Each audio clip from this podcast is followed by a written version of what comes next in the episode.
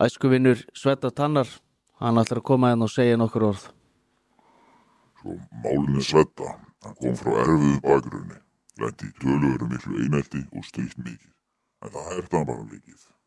Hann vildi alltaf bara eiga sitt stöf, hann vildi ekki stöf frá öðrum. Ég þekkti hann mikið hér áður fyrr, 1990 til 1995, og voru mjög góðu vinir. Hann hefur einu sinna unni heiðarlega vinnu. Það var hann messagutti í smótíma og sjó og fyrir peningin kefði hann pakka, dópakka, og eftir það byrjaði bara boltinn að rúla. Það átti alltaf nóg að seðlum. Vorum einhver tíman að fara erlendis á þessu tímabili, þá hann bara í hólu sem hann var búin að grafa og náði einhverja miljónir. Það segast margir þekkja svetta, en hvað er að þekkja svetta? Kannski að þú ert í viðskiptu við hann, þekkir hann eitthvað. En ég held að konan hans sé einan manns kannski virkilega þekkja hann.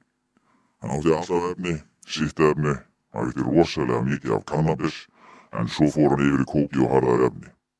Ég lendi með honum í steininum eftir stóra fíknefnamálið. Það sátu við saman inni og Svetti var þannig hann vildi bara eiga hluti.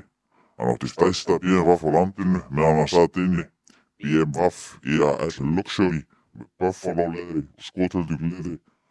Hann var eins og leiðinni í dagslegi og fangisinn og var komið með líklana. Og gerði fangaðan að skítræta með því að starta bílunni hann var enn inni. En Svetti var alltaf business minded frá fyrstu tíð, mjög sniður. Hann var engin slagsmála hundur, en það voru hans reglur og hann var alltaf með sín og sitt mission. Vínáta hans, svona ef Svetti gæti haft haga á því, þá var mjög gaman að vera í kringum hann. En það var aldrei neinn ánd. Það var sama hvort þú getur hálft gram af hassi af Svetta, hann glemdi því aldrei. Dýl er dýl, hann var algjör prinsip maður. Hann byrjaði náttúrulega mjög stert í Hollandi.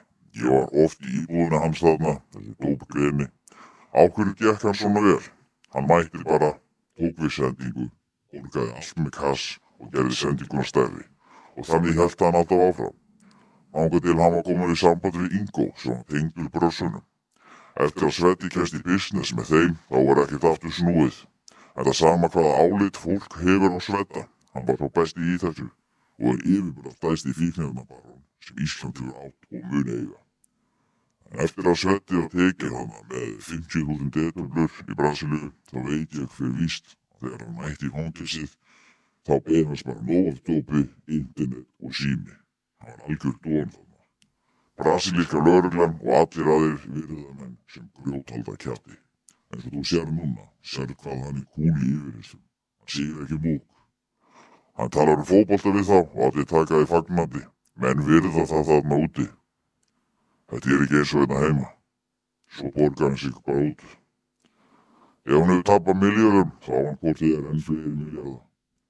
Hann hefur sett nóga stelpum frá Brasilíu til Íslands. En það eru stelpunar dýrari hér á landi. Minnist í húsið hvort það hefur verið ármúla eða síðumúla. Ég man það ekki. Hann flutti þetta allt inn maður. Ef þú hefur ekki kókain á Íslandi, þá setti tönn með puttan í því. Hann er stærsti glæpamaður eitthvað bransi sem Ísland hefur aðlið. Það er alveg saman og fólk hafi skoðanur á honum. Hann lendur upp á kamp við fólk og allir þykast ekki hann, þess ekki hann ekki. Ég raun og verið þess ekki þess að enginn nema kannski konan hans. Það er svo að tala mikið um þetta hvar Freyðviks. Freyðvik var frábær strákur, hann var elskaður og góður. En einhver manneski veitir frumskóðan í Brasilíu smá skuld til þess að reyna að sétta hlutina. Hver heldur þú að þið í aðild að því?